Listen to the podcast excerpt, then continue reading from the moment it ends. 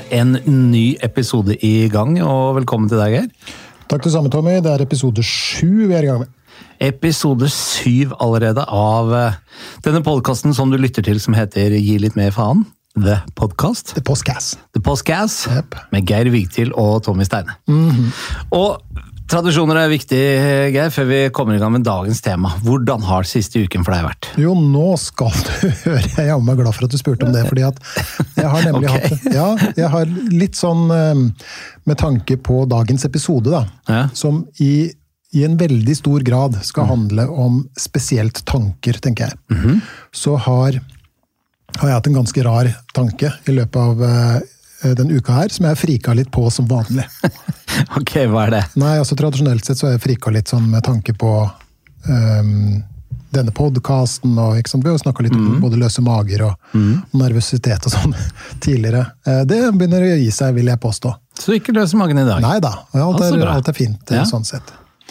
Um, men um, jeg har frika litt med tanke på våre navn. For også, hvis du, hvis du Er ikke det litt seint når du er 49 og jeg er 50? Jo, det er sant. Ja. Eh, Men sånn i kombinasjon tenker jeg på. Fordi at okay. altså, Tommy Steine og Geir Viktig, det høres i grunnen ganske sånn greit ut. Men hvis Mhm. du bare sier Tommy og Geir, så høres det ut som et sånn, litt sånn sosialdrama fra 70-tallet. Med svart-hvite politibiler og saftblandere på NRK taket. og sånn. ja. Ja, litt sånn Hva med Vennerød? Um, så, så jeg er veldig glad for at du bruker både for og Hvordan har de snakka da? Nei, da hadde vi jo sagt noe i retning Tommy, hjemme når den hasjende snuten kommer, så hadde du sagt noe, noe i retning av eh, Slutt å mase PC-er som et lokomotiv, eller ikke sant? Eh, Hva med venner da? Så det har jeg plagdes litt av, men så ga det seg igjen. Hvem hadde trodd at Geir Vigtil skulle sitte på en podkast og imitere skuespillere fra 70-tallet? Nei, det er, det er en, Stadig en tid for alt. Men er du ferdig med den frikinga, eller hva, hva gjør du når du friker? Nei, da friker jeg. Jeg tar meg den friheten å frike litt, jeg. Ja, hva, hva gjør du? Sånn Men ikke så lenge. Kanskje hyler du, da, eller? Nei, nei, jeg bare sitter og så, og så perler det litt svette i panna mi, og så tenker jeg intenst på det her. Og så, og, så, og så tenker jeg nei, nå er jeg ferdig med å tenke på det. Ja, Ja, så bra. Da lar jeg det ligge. Det får være som det er. Hvor mange dager frika du? Veldig, nei, det er ikke snakk om dager. Det er snakk om ytterst få minutter hver dag. Men litt okay. hver dag. Ja. Ja. Så du liker litt sånn, en liten sånn pott hver dag? ja. Ja.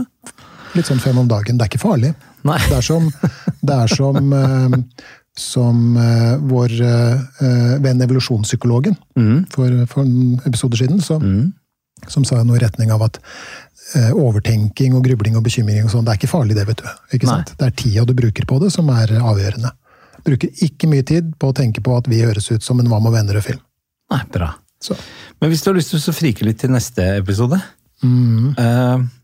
Prøv å telle etter om du sier flere enn én gang noe i retning av Ja, for det har jeg fått med at det, det tenker du jeg sier litt mye.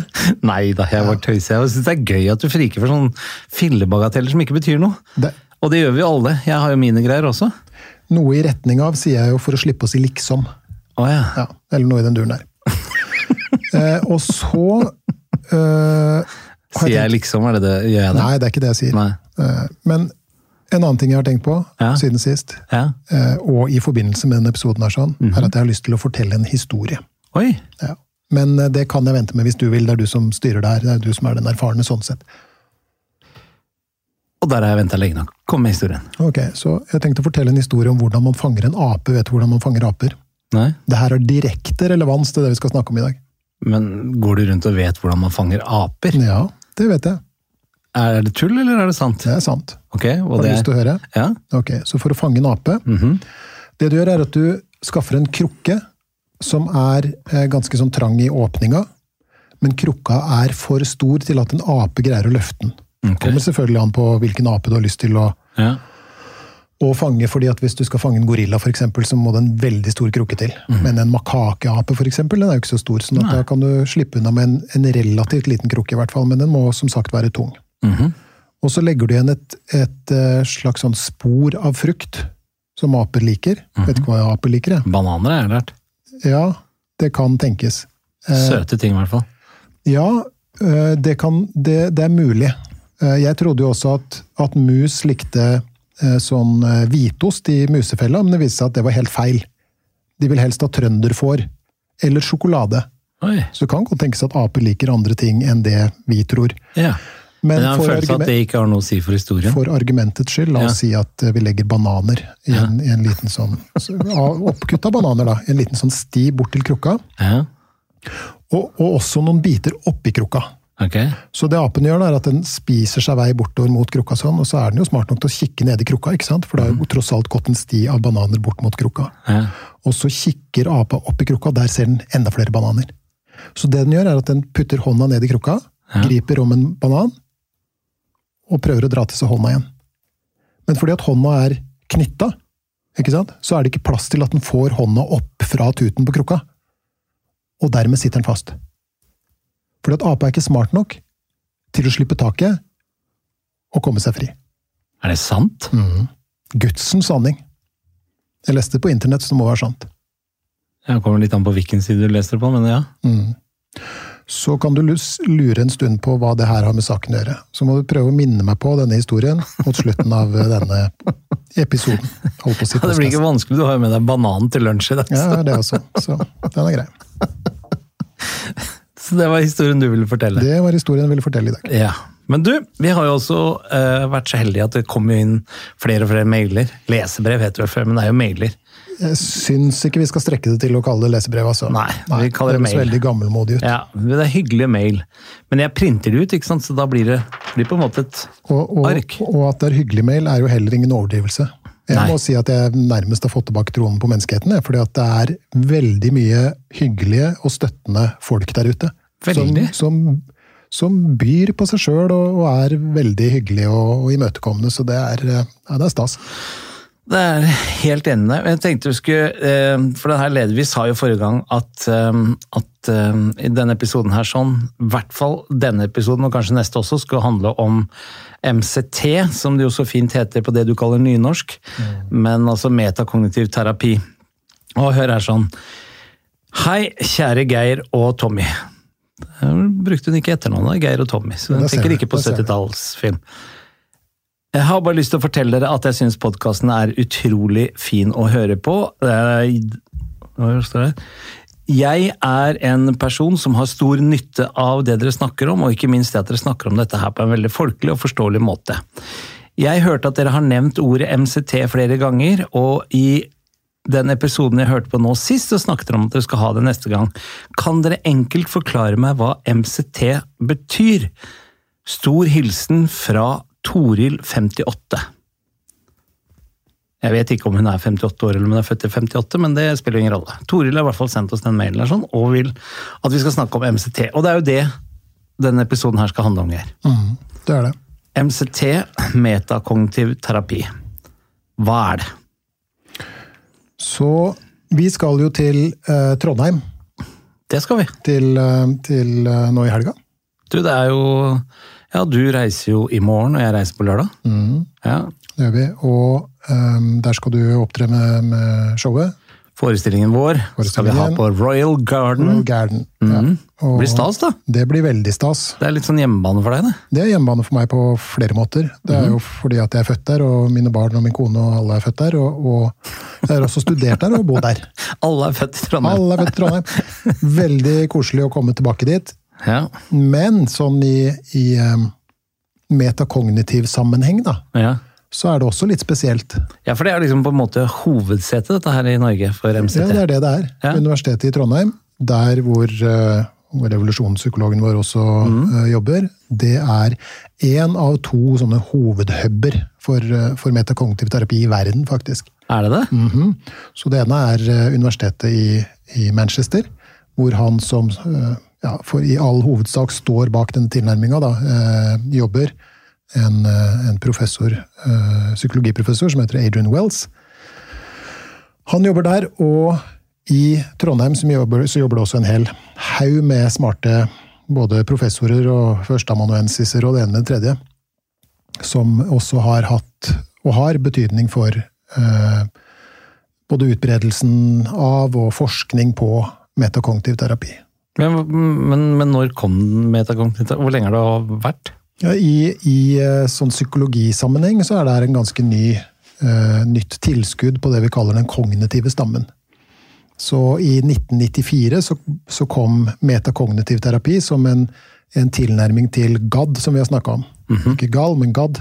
Uh, en, en uh, plage som tidligere ble regna som å være det vi kaller behandlingsresistent. Det var veldig veldig vanskelig å gjøre noe med den plagen. Altså generell angstlidelse.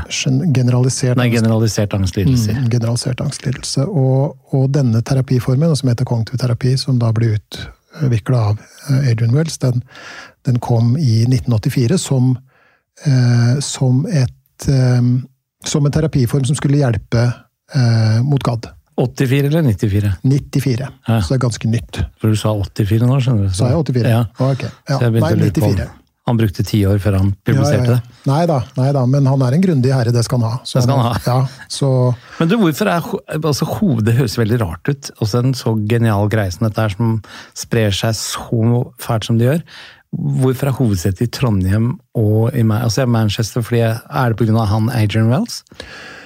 Ja, delvis, men, men, eh, men Adrian Wells eh, og en, eh, en norsk professor som heter Hans Nordahl, eh, de driver et institutt sammen. Hvor okay. de eh, hva skal si, både forsker på, og, på MCT og, og utdanner egne terapeuter. Okay. Eh, Det skjer Så da, da jeg eh, tok den utdannelsen, så skjedde det i, i Manchester og i, i Oxford, og nå har vi undervisning i, i eh, Danmark, her i Oslo, så der griper om seg. Men du, eh, du sa kognitive stammen. Mm. Eh, kognitiv terapi har jo kanskje mange i hvert fall hørt ordet. Hva, hva er det som er eh, Ja, forskjellen kommer du til å forklare, men hva, hva er kognitiv terapi? Hva, hvordan kan man kort forklare det? Ja, da er ikke jeg størst på korte forklaringer, da, men, men jeg kan jo prøve. Veldig selvinnsikt har du i hvert Ja, det skal jeg ha. Ja. I hvert fall på de, deler av, av livet. Men, men jeg skal gjøre et forsøk på å holde det uh, kort. Ja. Og det vi kan si, er at sånn i veldig veldig grove trekk Vi kan gi et eksempel, da. Mm. Så er, handler kognitiv terapi om tankeinnholdet vårt. Det vil da si at vi har et sånt klassisk eksempel som vi ofte bruker for å, å forklare hva det her er for noe. Mhm. Og det er noe i retning av Nei, det var ikke det jeg skulle si. La oss nå anta at du eh, Dette er det klassiske eksempelet. da. Ja. La oss anta at du går ut om morgenen for å hente avisa. Mhm. Nå er det ikke skrekkelig mange som gjør det lenger. De Nei, ja, åpner heller PC-en sin. Men, men la oss si at du er av typen som abonnerer på en, en papiravis. Så du går da ut. Samtidig med at du går ut til postkassa di, så, så kommer også naboen mm. og skal hente sin avis. Dere er litt gammelmodige begge to, viser det seg. Ja. Så hilser ikke naboen når Oi. du hilser på vedkommende. Han henter avisa si og bare går inn igjen, i morgenkåpa, antagelig. Eh, Du går inn med din morgenkåpe. Vel innenfor døren så blir du stående og tenke. Hvorfor hilser hilste han ikke? Ja, hvorfor hilser han ikke? Ja. Og det mange av oss har en tendens til, er jo å få det til å handle om oss selv. Mm. Han liker meg ikke. Eh, Jeg sa kanskje noe dumt på den siste nabofesten. Kanskje så han meg gjennom vinduet da jeg løp naken gjennom stua her forleden og ikke syntes noe særlig om det han så, osv. ja. Han skaper masse rare scenarioer oppi huet sitt. Skaper scenarioer oppi, oppi hodet sitt. Ja. Så la oss nå anta at man fikk såpass store vansker da, gjennom å, å, å skape scenarioer i hodet sitt at, at man trengte hjelp. Mm. Så da hadde man gått til en kognitiv psykolog, mm. og den kognitive psykologen hadde sagt at um, Finnes det andre måter å se denne situasjonen på? Ja. La oss si, Kan det finnes andre årsaker til at, Han ikke eh, hilste. at naboen din ikke hilste?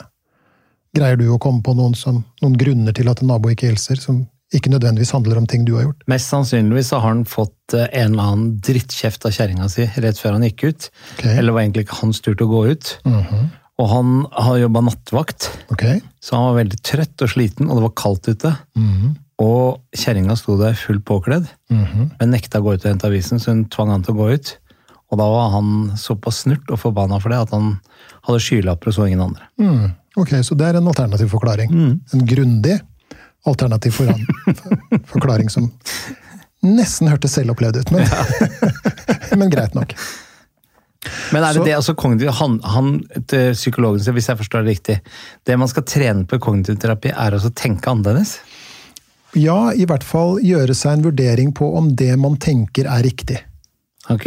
Eller om det finnes andre måter å tenke på denne situasjonen på, som ikke har fullt så store eh, emosjonelle kostnader, eller noe i den retninga der. Ja, for jeg jeg har jo lest mye om, eh, om eh, kognitiv Eller ikke mye, men jeg har i hvert fall lest noen bøker om det.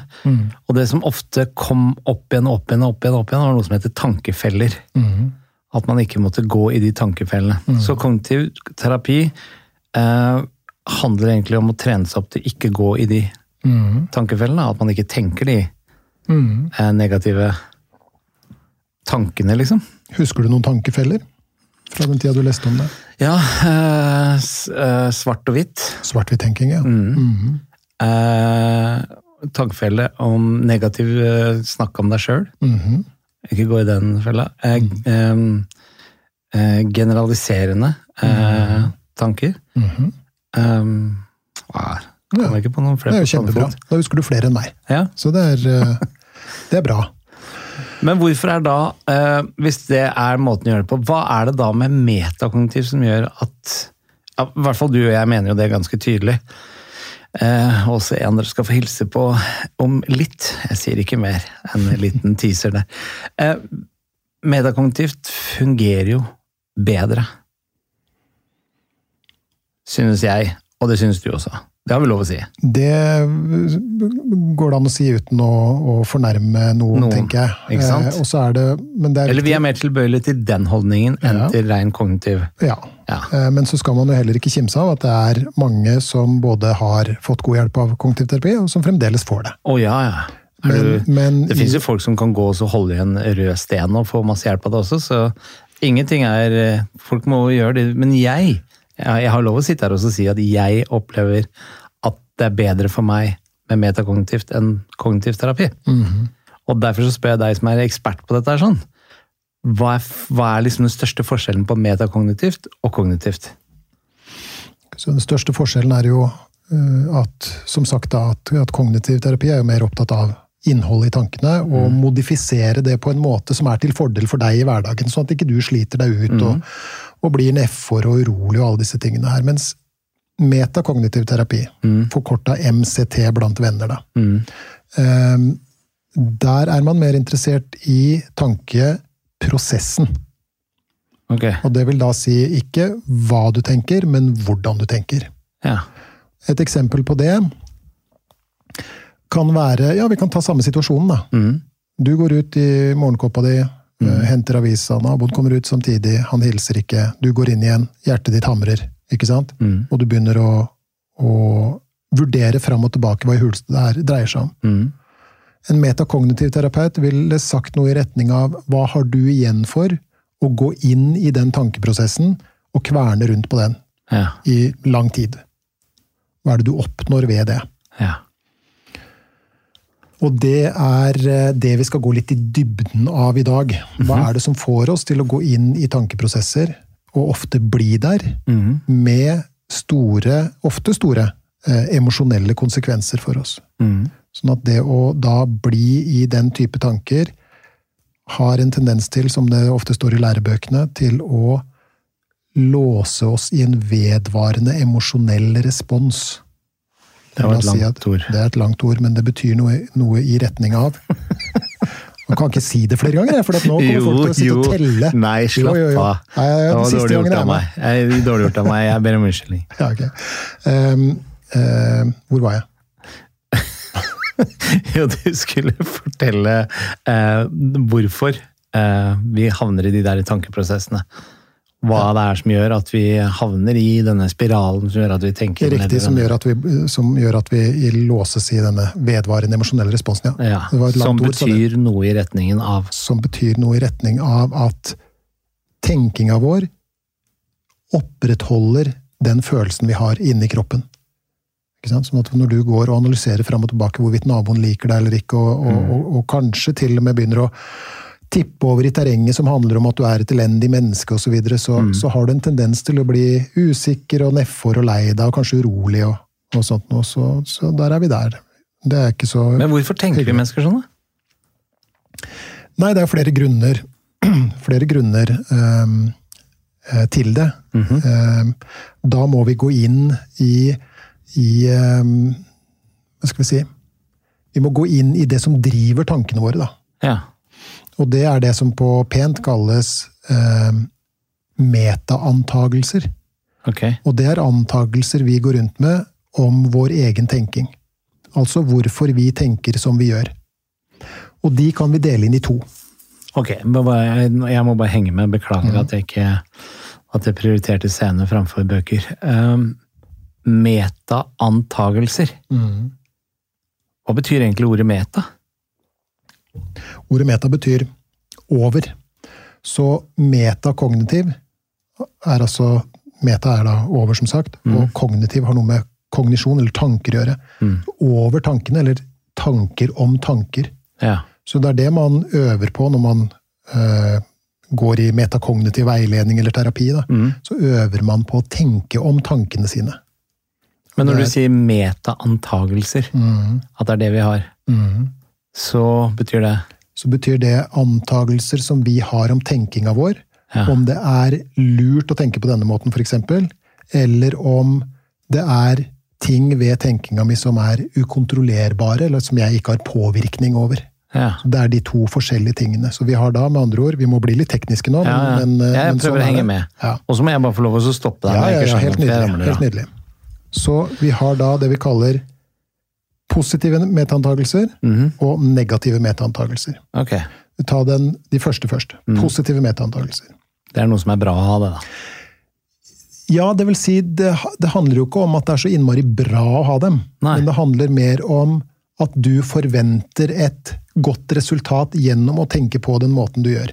Ah, Det vil da si eh, Hvis du opplever denne situasjonen med naboen din, eh, og du går inn og begynner å analysere fram og tilbake hvorfor ting er som de er, og, og, og om han liker deg eller ikke, og hvorvidt du er et elendig menneske eller ikke, osv., så, Ja.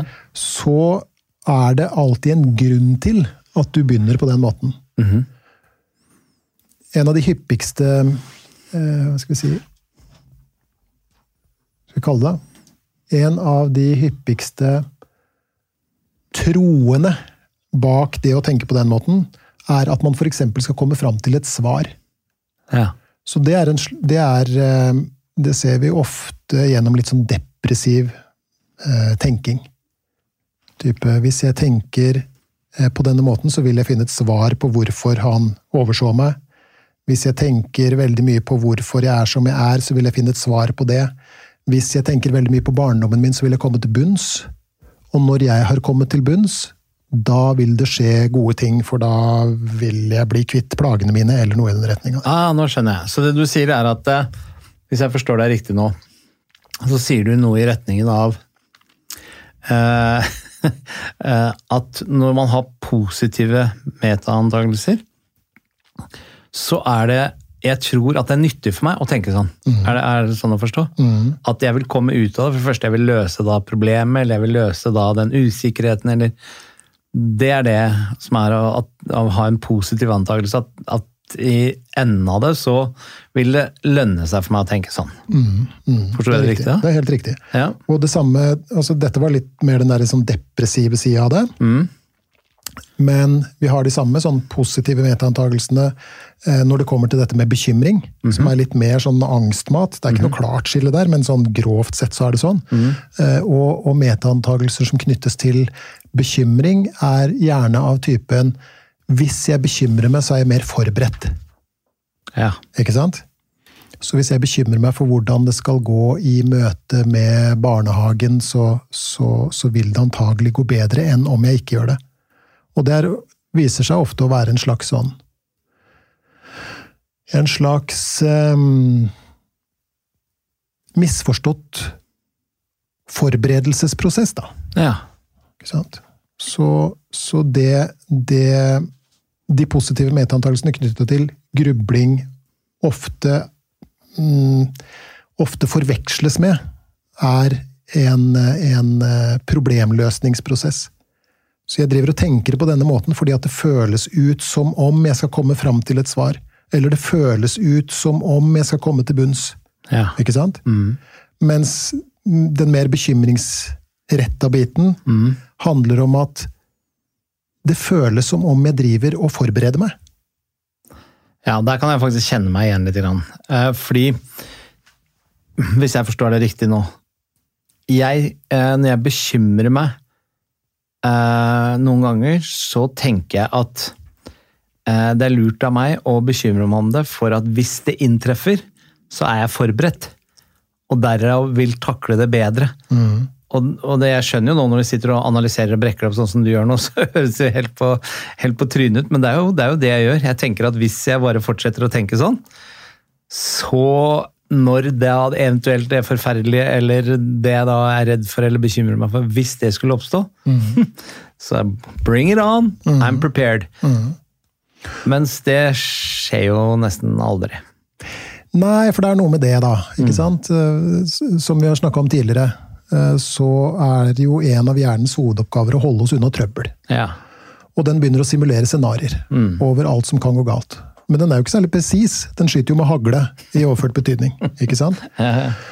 Og øh, en av, en av kronspørsmålene her er jo hvordan kan du vite at du bekymrer deg om akkurat den rette tingen, at du er inne på riktig scenario? Det er litt som, Her er en sånn greie som jeg alltid har hatt. da. Ja. Eh, og, og det handler om at hvis jeg f.eks. skal et sted hvor jeg ikke har vært før, Ja. så hender det at jeg liksom tenker Prøver å se sånn fram i tid, hvis du skjønner hva jeg mener. da. Ikke sant? Ser for meg hvordan det vil være når jeg kommer fram til den hytta, for eksempel, eller kanskje den, eh, det stedet vi skal være på ferie. eller noe sånt noe. Og så har jeg liksom noen sånne klare bilder oppi hodet av det. Men så viser det seg når vi kommer fram, så har jeg alltid tatt feil. ja. ikke sant? Og, og sånn. Heldigvis, egentlig. Ja, på en måte så er det, ja, det er jo nesten litt bra. Men, men det samme gjelder med, med bekymringsbilder også. Jeg kjører ekstremt mange Ja, la oss nå anta at du, var, at du slumpa til å ha rett da, om et scenario. Ja. Men du har likevel forberedt deg på 30 andre samtidig. Ja. ikke sant? Og det vil da si at du antagelig har brukt 30 ganger mer krefter enn du i utgangspunktet trengte. Og det blir ikke noe mindre, altså det rammer deg ikke noe mindre hardt fordi om du har bekymra deg på forhånd. Er Heller tvert imot, du har både hatt bekymringen og den hendelsen oppstår. Mm. Hvis du går og bekymrer deg for å miste jobben, så er det ikke sånn at den dagen du mister jobben, Mm. så gjør det deg ingenting. For nei, vet du, jeg har bekymra meg etter året, så det er ikke noe problem lenger. Nei, Mm. det er det er like tøft, og det er like slag i trynet, men du har i tillegg gått og bekymra deg i lang tid for det, så det blir egentlig litt sånn dobbel opp. Det blir dobbelt opp. Men du, Gordans, for det, det jeg kommer til å tenke på, for det syns jeg er jo noe av det som er genialt eh, i, i boken som du har gitt ut også, Geir, som heter 'Hvordan gi litt mer faen', som denne forestillingen vår er tufta på. Tanker er, er, er- Fordi jeg, det jeg får høre av mange, er jo sånn Ja, men tenk på noe annet, da. Prøv å Nei, du må ikke ha sånne tanker. Kan man kontrollere hvilke tanker man får og ikke? Nei, det viser seg å være, øh, være vanskelig. Og det bringer jo oss inn på, på den andre kategorien av, av det vi kaller metaantagelser. da. Som jo er et klønete ord. Jeg skulle ønske at det fantes et bedre ord, men, men det gjør nå engang ikke det, for vi er jo i det tekniske hjørnet i dag. Mm. Men så nå har vi da snakka om positive metaantagelser. Det vil si at det betyr ikke at de er så bra, Nei. men at den Vi tror det er et positivt utfall av det. vi, vi håper på et positivt Ja. utfall. Og av og til kan vi til og med ha det på følelsen, som sagt. Ja. Mens negative metaantagelser ofte er knytta til at måten jeg tenker på, er enten farlig At jeg kan tenke på meg et hjerteinfarkt eller et hjerneslag, eller, eller miste kontrollen av, over meg selv og bli henta av, av eh, en eller annen ambulanse som kjører meg til lukkeavdeling, eller noe sånt noe. Eller det som er mest vanlig, at, at tankene mine er ukontrollerbare. Nå syns jeg at dette med kontrollerbarhet også er et relativt dårlig ord, så jeg øver meg på å bruke eh, påvirkning istedenfor kontroll. Ja. Men det handler noe i retning av at jeg er mine tankers slave. ja. Og når jeg får noen tanker i hodet, så må jeg bare være med på dansen som de byr opp til, uansett hvor utslitt jeg blir. Så jeg har ingen påvirkning på tankene mine. Så det er det som kalles uh, uh, negative metaantagelser. Uh, og det er jo det aller første vi angriper når vi begynner å jobbe med, med tanker. Men ok, du jobber jo som en metakognitiv terapeut. Mm. Når det kommer en ja, det har vi sagt for lenge, flere episoder, så vi sier pasient. Det kommer en pasient til deg, eh, og du skal introdusere meta... Sier du det til pasientene? Du, jeg tror det som passer best for deg, er at vi prøver en metakognitiv til, tilnærming. Sier du det til pasientene? Ja, Hvis de ikke aner hva de har gitt seg inn på, så må jeg jo nesten komme med en slags uh, forklaring på hva, hva, vi skal gjøre, men, ja. men som oftest ikke. Vi Nei. begynner å, ofte bare å prate. Og så er det min oppgave å, å bringe praten inn på, på temaet og på det vi skal jobbe med, ofte uten å være sånn påtrengende og, og, og insisterende. Men hva er det med det metakognitive som gjør at du tror så sterkt på det, Hage? Nei, altså Jeg har jobba med mye, mye, rart sånn, sånn uh, opp igjennom i, i, psykisk helsevern, som det heter nå. Mm. Psykiatrien heter før, men nå, nå, heter det psykisk helsevern. Og, og med særs blanda resultater, vil jeg påstå. Og det var ikke før jeg lærte uh, metakognitiv terapi av, av ja, sånne som Hans Nordahl og Adrian Wells osv., så, videre, så det var ikke før jeg lærte det at jeg begynte å få se resultater hos Nei. mine klienter. da. Eh, og noe av årsaken, og det her skal vi komme litt tilbake til, men mm. for meg så er ikke det en terapiform, men det er mer en livsholdning. Ja. Eh, og det er eh, Ja, det er jo lett å si, men jeg tenker at vi skal få demonstrert i løpet av denne episoden. Men det er greit å bare si terapiform, så man skjønner litt ja, ja, hvilke bolker og sånn. Ja, for det er jo det. Det er jo det det er. Han går jo til en terapeut. Du er jo en terapeut. Ja, ja, ja. Ja da, det er jeg. Og, og, for den som da skulle være litt sånn ekstra interessert, så kan man også eh, google eh, det som kalles MCT-foreningen i, i, Norge. Det er en egen, er det en egen forening? Det er en egen forening. Er det med terapeuter eller pasienter? Det er med, med terapeuter. Men de har en åpen Facebook-side. Er det det? Ja, ja, så Der kan man bare, bare søke opp eh, MCT-foreningen. Da må jeg sende dem en melding. Mm, mm. Siden jeg føler at jeg er litt sånn derre disippel av eh, MCT nå med ja, forestilling. Du får bli med i gruppa da, vet du. Ja, mm, mye bra diskusjon. Jeg er veldig glad i grupper, så det, det skal jeg men, men eh, ok, så Hvis jeg kan Nei, jeg kan kanskje ikke det, men jeg, jeg prøver det. For jeg må Jeg har jo, siden jeg leste boken din i 2017, så har jo, bruker jeg dette her eh, veldig veldig bevisst. Mm. Eh, og du sa at eh, noe av grunnen til at vi kommer inn i de tankebanene, er sånn, er jo de antakelsene som vi har om tankene våre. Mm. Men når er det man skjønner at det er eh, at det blir et problem for oss? så må det bli sånn som jeg. Jeg gikk jo på en smell. Fikk angstanfall. Ble deprimert etter hvert. Eh, det, må man gå så langt, eller er det sånn? Nei, altså eh, Det du opplevde, hvis jeg har, eh, har oppfatta det riktig, da, mm. er jo Hva skal vi si en, en svær reaksjon, kan man si. Mm. Men eh, mange kan jo også oppleve at det liksom lugger. Ja. Og det er jo, eh, det er jo jeg veldig eh, glad for. Hvis jeg får kontakt med folk som ennå ikke har liksom fått de her store reaksjonene som griper Nei griper inn i hverdagen på en sånn ødeleggende måte. Og som det kanskje vil ta lang tid å komme seg av. Det, det beste vil jo være folk som hva skal vi si, har en formening av at liksom, hei, vent nå litt, dette bør jeg rydde litt opp i. Ja. Eh, så at man kanskje unngår å gå på skjær. Eh, ja, det var kanskje dårlig gjort å bruke det bildet overfor deg, men, men, men um, Du kan nesten ikke snakke om noe uten at det skal Nei, nei, nei. nei. Vi, skal, vi, skal, ikke rippe opp i den, den saken, men, men um, hvis vi kan, hvis vi kan forhindre at folk uh, går seg inn i de skal vi si, myrlendte, tåkete landskapene, da. Mm. Uh, og, og, får gjort noe med saken før det liksom blir et kjempeproblem. Da, da, da koser jeg meg. Det syns jeg er veldig ålreit. Men du, før du får lov å fortelle og gå litt mer i, i dybden her, da, så spør jeg deg. Hvem er det som har størst utbytte av metakognitiv terapi?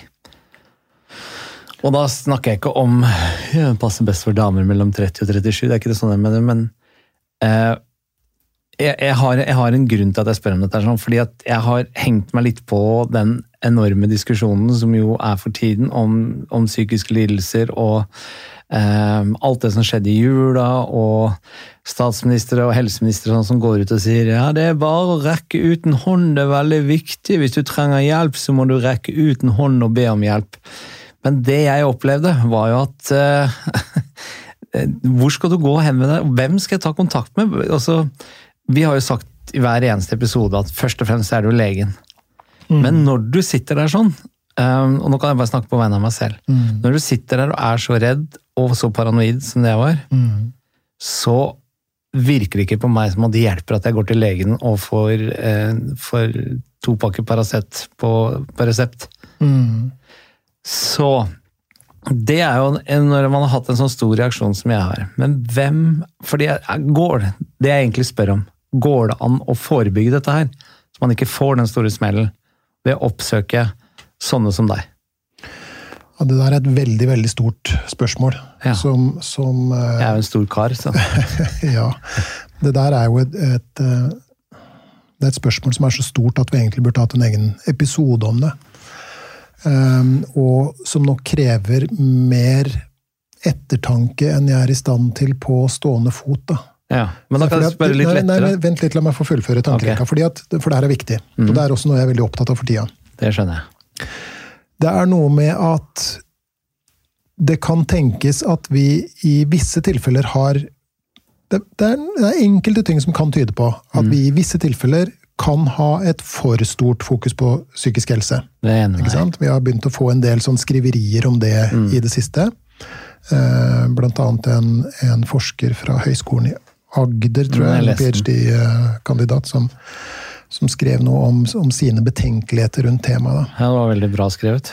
Jeg tenker, og jeg er litt sånn Rema-typen. Mm. Eh, nei, vi er ikke sponsa av Rema, men, men jeg syns slagordet deres er godt. Det enkle er ofte det beste. Mm.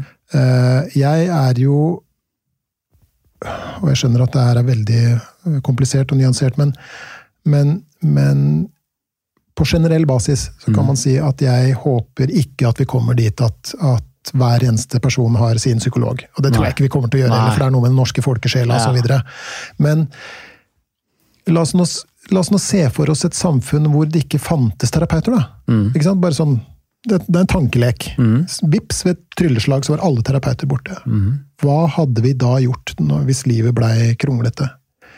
Jo, antagelig så hadde vi snakka med folk som var eldre enn oss. Som var erfarne fjellfolk i overført betydning. Mm. Som har vært ute en vinternatt før.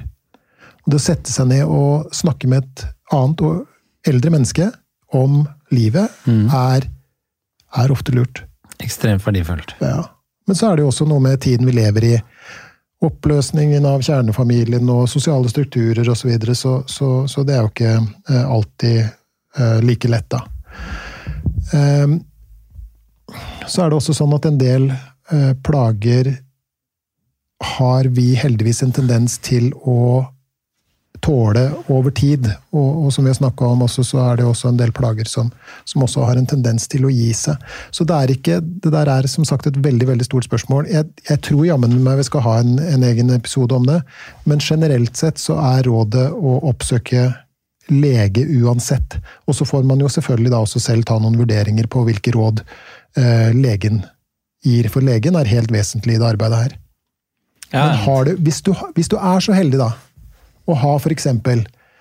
En, en besteforelder eller en far eller en mor, eller kanskje til og med en storebror eller storesøster, en, en, en klok lærer som, som, ikke lar seg vippe av, av pinnen så lett, osv., så, videre, så så kan det også være klokt å, å, å, snakke med de menneskene du har rundt deg. Tenker jeg. Var det svar? Ja, det var et godt svar. Ja. Det var ikke kort, men det var et godt svar. Ja. Det er det. Men øh, forstår jeg det riktig da at eh, MCT Det er hva jeg bruker for jeg syns det er litt kult at jeg har lært meg det. Mm. Uh, passer for alle hvis det trengs. Og nå eh, skjærer jeg vekk alle som har tyngre lidelser og som trenger annen helsehjelp og sånne ting. Nå snakker jeg om oss som sliter med hva er det du kaller det, normalpsykologiske plager. Mm, mm. Ja, det viser seg jo at også øh, overfor øh, ganske tunge lidelser, type psykoselidelser med stemmehøring osv., så, videre, så er Og der er det forska på på Universitetet i Trondheim også, Mm. NTNU som det heter. øh, Så viser det seg at, at metakognitiv terapi er en god tilnærming til for, å, å, å adressere det vi kaller eh, eh, skal vi kalle det så følgefenomener da, Ja. av psykose, dette med stemmehøring. Mange som, som har uh, den type lidelser, har også angst og depresjon i tillegg. ikke sant? Så, så jeg tror ikke det har med uh, Det virker ikke som det har med alvorlighetsgraden å gjøre. Okay. Uh, Så jeg tenker at det vil passe for, for alle. Men så er det jo også noe med at innenfor den metakognitive terapien så er det også noe med, med at vi tenker litt abstrakt, og, og vi leker litt med tanker og gjør noen tankeeksperimenter og sånt, noe sånn at det er nok, eh, det er nok en god Hva skal vi si Du må ha en viss evne til, til abstrakt tenkning, tenker jeg. Det, er min erfaring. Ja. Men det går også an å gjøre det her på en veldig enkel måte, og jeg har snakka med Uten at jeg har, har eh, skal vi si, hatt noe barn i veiledning, så har jeg jo snakka med, med ganske unge personer sånn på privat basis, holdt jeg på å si, slektninger og sånt, og, og, og, og greide å forklare dette på en veldig sånn enkel måte. Donald, for eksempel, er jo veldig god til det der. Der har du en djevel på den ene skulderen og en engel på den andre. ikke sant? Og det er jo et bilde på tanker, for eksempel. Ja, det er jo det. Mm. det er, eh, vi hadde jo tenkt på det i utgangspunktet på forestillingen, at du skal ha det. Men jeg gjør det heller eh, live. Eh, Men ok, så uh, Metakognitivt. Hvis du kan si med én setning grunnprinsippet, hva er det for metakognitivt? Nei, altså Adrian Wells han sier jo uh, dette på en veldig god måte. Da. Han sier at det er ikke tankene per se, eller i seg, som er, er viktige, men det er hvordan du responderer på dem, hvordan du reagerer på dem, hvordan du, du forholder deg til tankene dine. Ja. Eh, og det er det vi bruker tid på i en, i en metakognitiv veiledning. Å se nærmere på hvordan øh, denne personen som, som jeg har foran meg, da, mm. øh, hvilken, hvilken innstilling vedkommende har til tankene sine, hvor mye tid, ikke minst, som blir brukt på, på en viss type tenking. Av fokusen du har på det, egentlig. altså. Hva slags, fokus, hva slags fokus du har på det. Så hvis jeg kan få bli teknisk igjen, da. Så nå kommer det en liten teknisk bort Ja, nå skal jeg prøve å følge med. Er du klar? Mm, Jeg er klar. Greit. Kjør på. Det man tenker i metakognitiv terapi, mm. er at det er én Hva kan vi kalle det? Em, vi kan kalle det en, en, en prosess som er liksom litt sånn skurken i dramaet. Mhm. Og det er noe som på engelsk kalles eh, CAS, altså CAS, Cognitive Attentional Syndrome. Eller på norsk heter KOS, bisart nok, da. For det er mange som sitter og koser seg med tankene sine også. Helt til det ikke er så kos lenger. Eh, men det står da altså for kognitivt oppmerksomhetssyndrom. Kognitiv, kognisjon, noe som har med tenking å gjøre. Oppmerksomhet sier seg selv, men opp, altså begrepet oppmerksomhet er helt sentralt i, i, i metakognitiv terapi. Eh, KOS består av fire punkter. Og jeg skal gå gjennom dem nå. Mm. Det første punktet i denne KOS-prosessen er det vi kaller trusselfokusert oppmerksomhet. Og det har vi jo snakka om tidligere. Det er det som skjedde da din forfar for 50 000 år siden sto overfor en hulebjørn. Ikke sant? Din forfar har hulebjørnen i sikte, bokstavelig talt, og, og alt rundt bare forsvinner. Eh, Det å, og det er jo en sånn en del av kamp eller flukt. ikke sant? Du skal ha trusselen i fokus. Mens vi moderne mennesker, vi, vi, det er ikke så mye hulebjørner å bry seg om. Heldigvis. Eh, Men vi har andre ting. Og tankene våre er en like sterk eh, hva skal vi si, trussel, ofte. Type bekymringstanker sånn 'tenk hvis'. Tenk hvis jeg blir syk. Tenk hvis kona mi dør og jeg blir aleine. Tenk hvis, tenk hvis, tenk hvis. Tenk. Ikke sant? Det, er vår, det er vår svøpe. Vi er jo vi er ualminnelig godt utstyrt med hjernekapasitet. Og, og en av bivirkningene ved den hjernekapasiteten er at vi har har ja, kapasitet til å kverne på den type scenarioer. Tenke på oss problemer. Eh, ikke sant? Og en annen, en annen trussel, på et vis, er f.eks. tanken om å ikke være bra nok. Mm. Den er det mange av oss som har. Den er det veldig mange av oss som har. Ja. Det å ikke være bra nok, og det å, å, å bli veid av andre og liksom funnet for lett. lett, ja. ja. Ikke være en del av fellesskapet osv. Og, så og det er en nærmest sånn eksistensiell trussel. Mm. Og det virker utløsende på vår stressrespons. Mm. Og når vi skal, når vi eh, moderne mennesker, da, ikke sant? men med denne primitive, eller skal, ikke, ikke primitive, men, men den gamle eh, fysiologien som, som vi har, eh, står overfor den type tenkte eh, trusler, så reagerer vi på samme måten. Mm. Og da blir vi også trusselfokuserte på den måten at vi, vi, vi skal kalle det, låser det truende fast inni hodet vårt. Ja. ikke sant? Så må vi finne ut av om det her er Hvor stor er nå denne hulebjørnen, i overført betydning? Ja. ikke sant? Og så begynner vi å kverne. Så Så det du, det du sier er jo at før 50 000 år siden så eh, fikk man den stressresponsen i kroppen når man så en hulebjørn. Men vi mennesker er også i stand til å kunne tenke på oss den stressresponsen. Altså at ja, alt hjertet slår fortere, og du svetter i hendene, og bare med å tenke på ting. Og Der eh, husker jeg leste i boken, vi er vel strengt tatt antageligvis det eneste dyret som vi i hvert fall vet om, er i stand til å gjøre det. Klare å tenke på oss disse bekymringene, og som gjør at vi reagerer på akkurat samme måte som hvis vi var i en reell fare. det er riktig. Det er eneste dyr- trusselfokusert. Ja. Ja, det eneste dyret vi vet om. ja. Og for de som skulle være ekstra interessert i sånn stressresponser og slikt, Mm. de kan eh, med fordel lese eh, den boka til Vi har nevnt det i en tidligere episode, men det er verdt å gjenta. Det er en, eh, en nevroendokrinolog, veldig vakkert ord. Tsjopolsky. Sapolsky, Robert Sapolsky. Det var nesten. Det var nesten. Ja. Ja, var helt i nærheten. Mm. Men Robert Sapolsky har skrevet en bok som heter Why Zebras Don't Get Ulcers, altså hvorfor sebraer ikke får magesår. Som har blitt en klassiker innenfor dette med stressforskning osv. Ja. Eh, Sprenglærd, men forklart på en ekstremt morsom og forståelig måte. Det er en av mine absolutte favoritter blant eh, hva skal vi kalle det, litt sånn populær psykologi og populærfysiologiske bøker, eller noe i den retninga der. ja. Men ok, det var ene. Det var trussel. Ok, Så da er trusselfokusert er- oppmerksomheten. Og bare for å avslutte den, da, Ja. så, så du, du skal få lov til å gjette. Skal jeg ta en liten gjettelek nå? En person med helseangst, hva tror du vedkommende er trusselfokusert oppmerksom på? Sykdommer?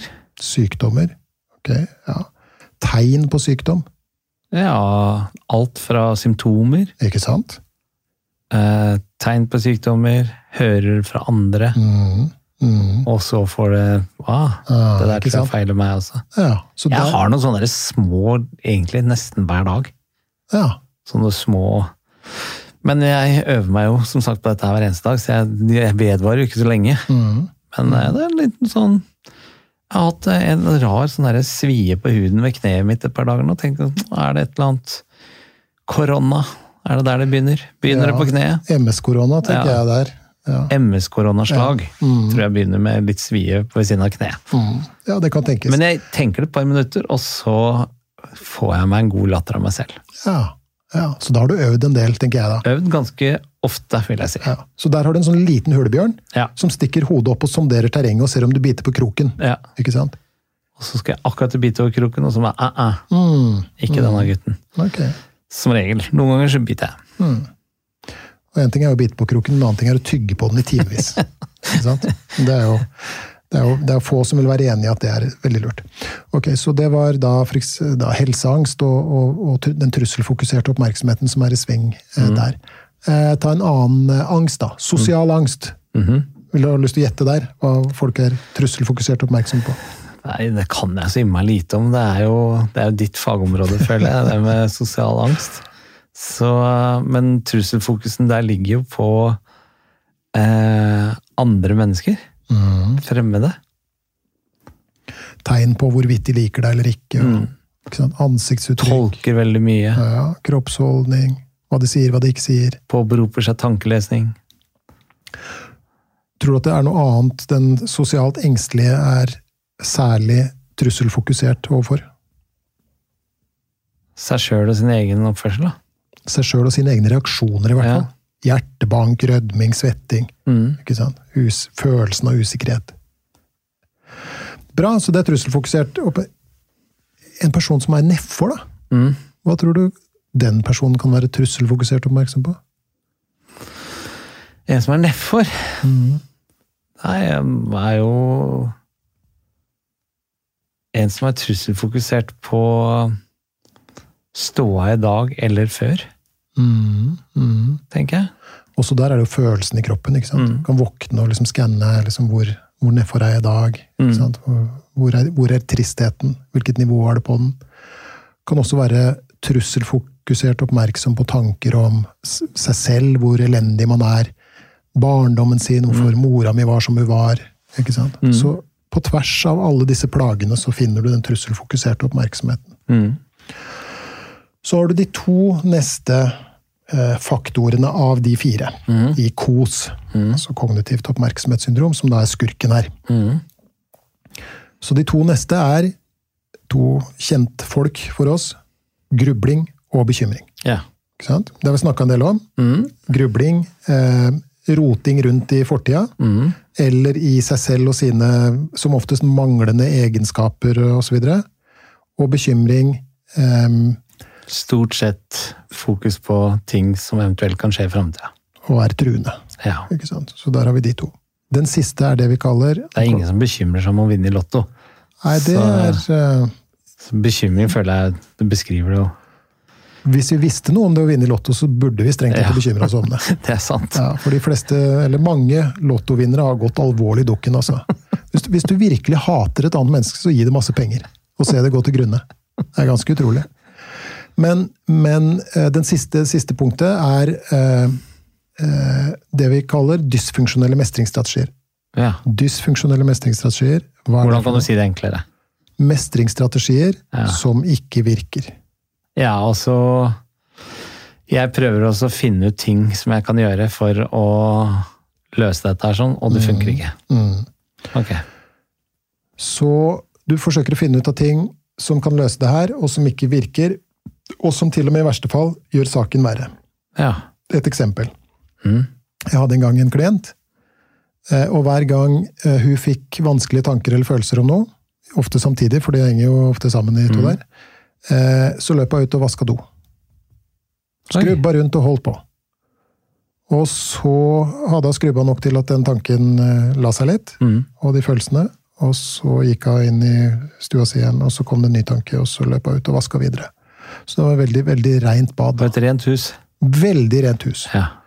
Andre kan, eh, kan eh, Jeg mener du liksom å flykte litt vekk fra det? Er det det du Ja, det er liksom forsøk å, å få tanker Døyve bort. det vekk med noe annet? Ja. Ikke sant.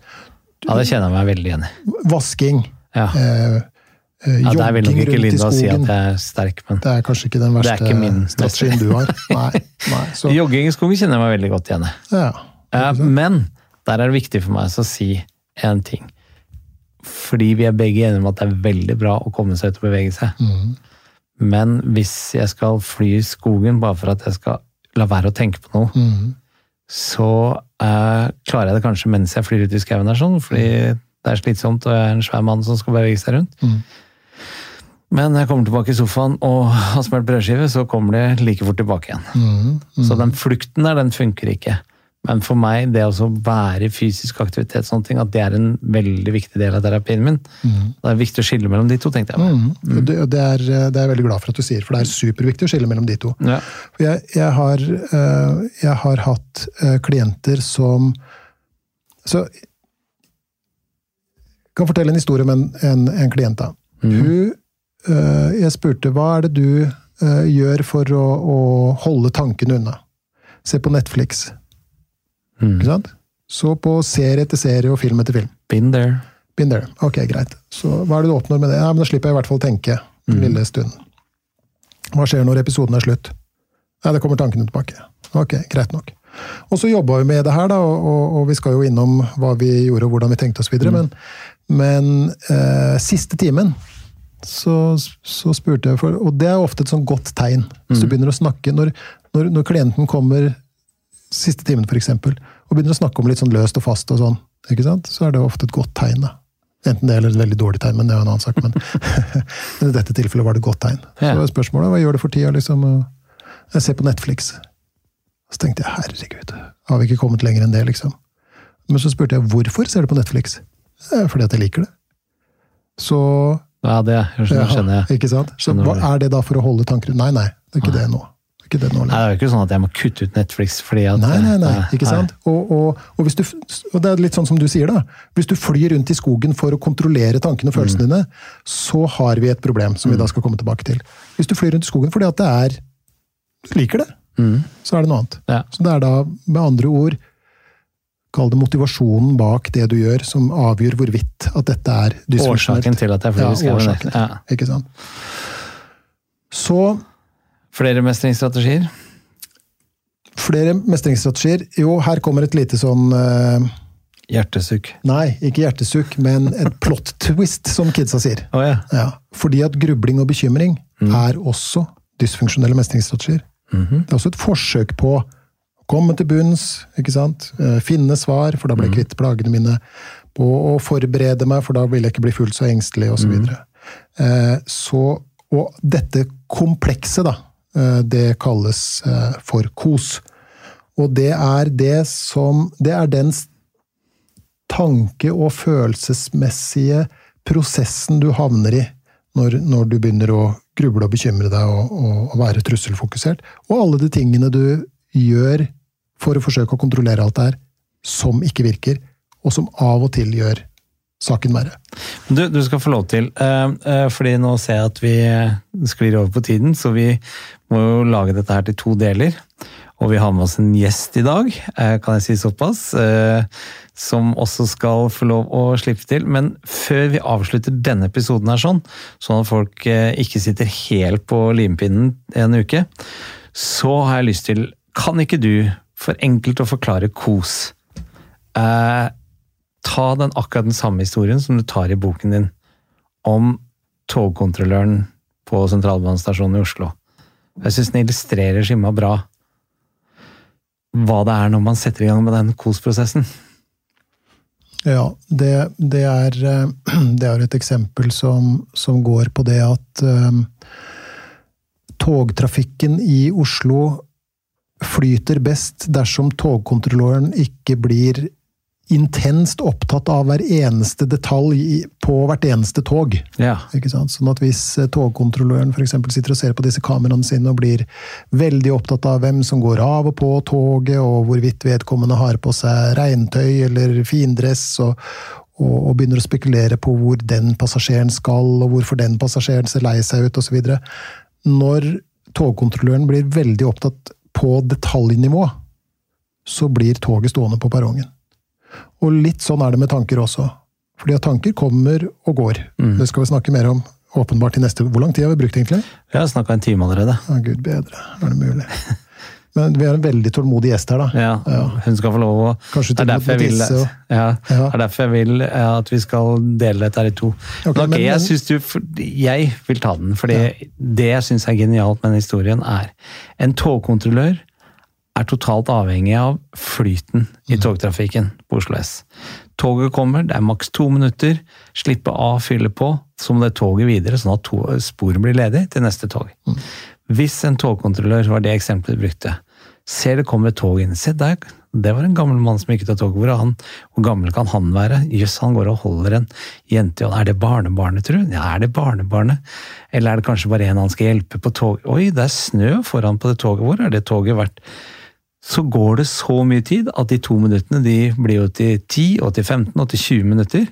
Hva er det som skjer? Jo, hele veien opp til Gardermoen, ut til Drammen, ned til Sarpsborg, hoper det seg nå opp med tog, så at flyten eh, blir ødelagt.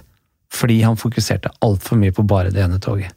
Og det syns jeg er et fantastisk bilde, når det er akkurat det samme det vi gjør med tankene. For vi får et sted mellom 7 og 70 000 tanker, er det ikke det? Hver eneste dag. Og hvis du skal vie altfor mange tanker, altfor mye fokus, altfor mye tid og detaljstyring av hver tanke, så sier det seg sjøl at da koker det over da, oppi toppflakket. Så da er vi på mystisk vis tilbake til spørsmålet om hvordan du fanger en ape. Og det vil da si at Det er i det øyeblikket du begynner å holde fast i tankene dine, og bli for opptatt av dem, at du blir sittende fast. Og det skal vi altså da snakke mer om i den episoden som nå sendes om en uke fordi at denne ble så forbanna lang. ja. Men vi er godt i gang, da. Vi er veldig godt i gang. Ja, så det er bare dette å her på. er jo her er jo altså den boka di og MCT altså det, De må bytte ut Nytestamentet på alle hotellrom med den boka di og MCT, for jeg er helt sikker på at ja, alle jeg snakker med, har simma ah, det, er så, det er så normalt og så deilig og så fin forklaring på ting. Men vi skal komme tilbake til det. Vi er nødt til å runde av, denne gangen, Geir. Vi skal jo ikke møtes om en uke igjen, for vi kan jo bli sittende her og lage en episode til. tenkte jeg. Ja, ikke sant? Så gjesten må ikke dra og komme tilbake om en uke. Vi er jo såpass tekniske i denne verden at vi kan ta flere episoder på en dag. Så vi runder av nå. Tusen hjertelig takk for denne episoden. der sånn. Eh, ta en liten strekkpause, fly på do, og så starter vi med del to med en gang, sånn at de som sitter og hører på nå, ikke har lenger enn en uke å vente. Takk for i dag.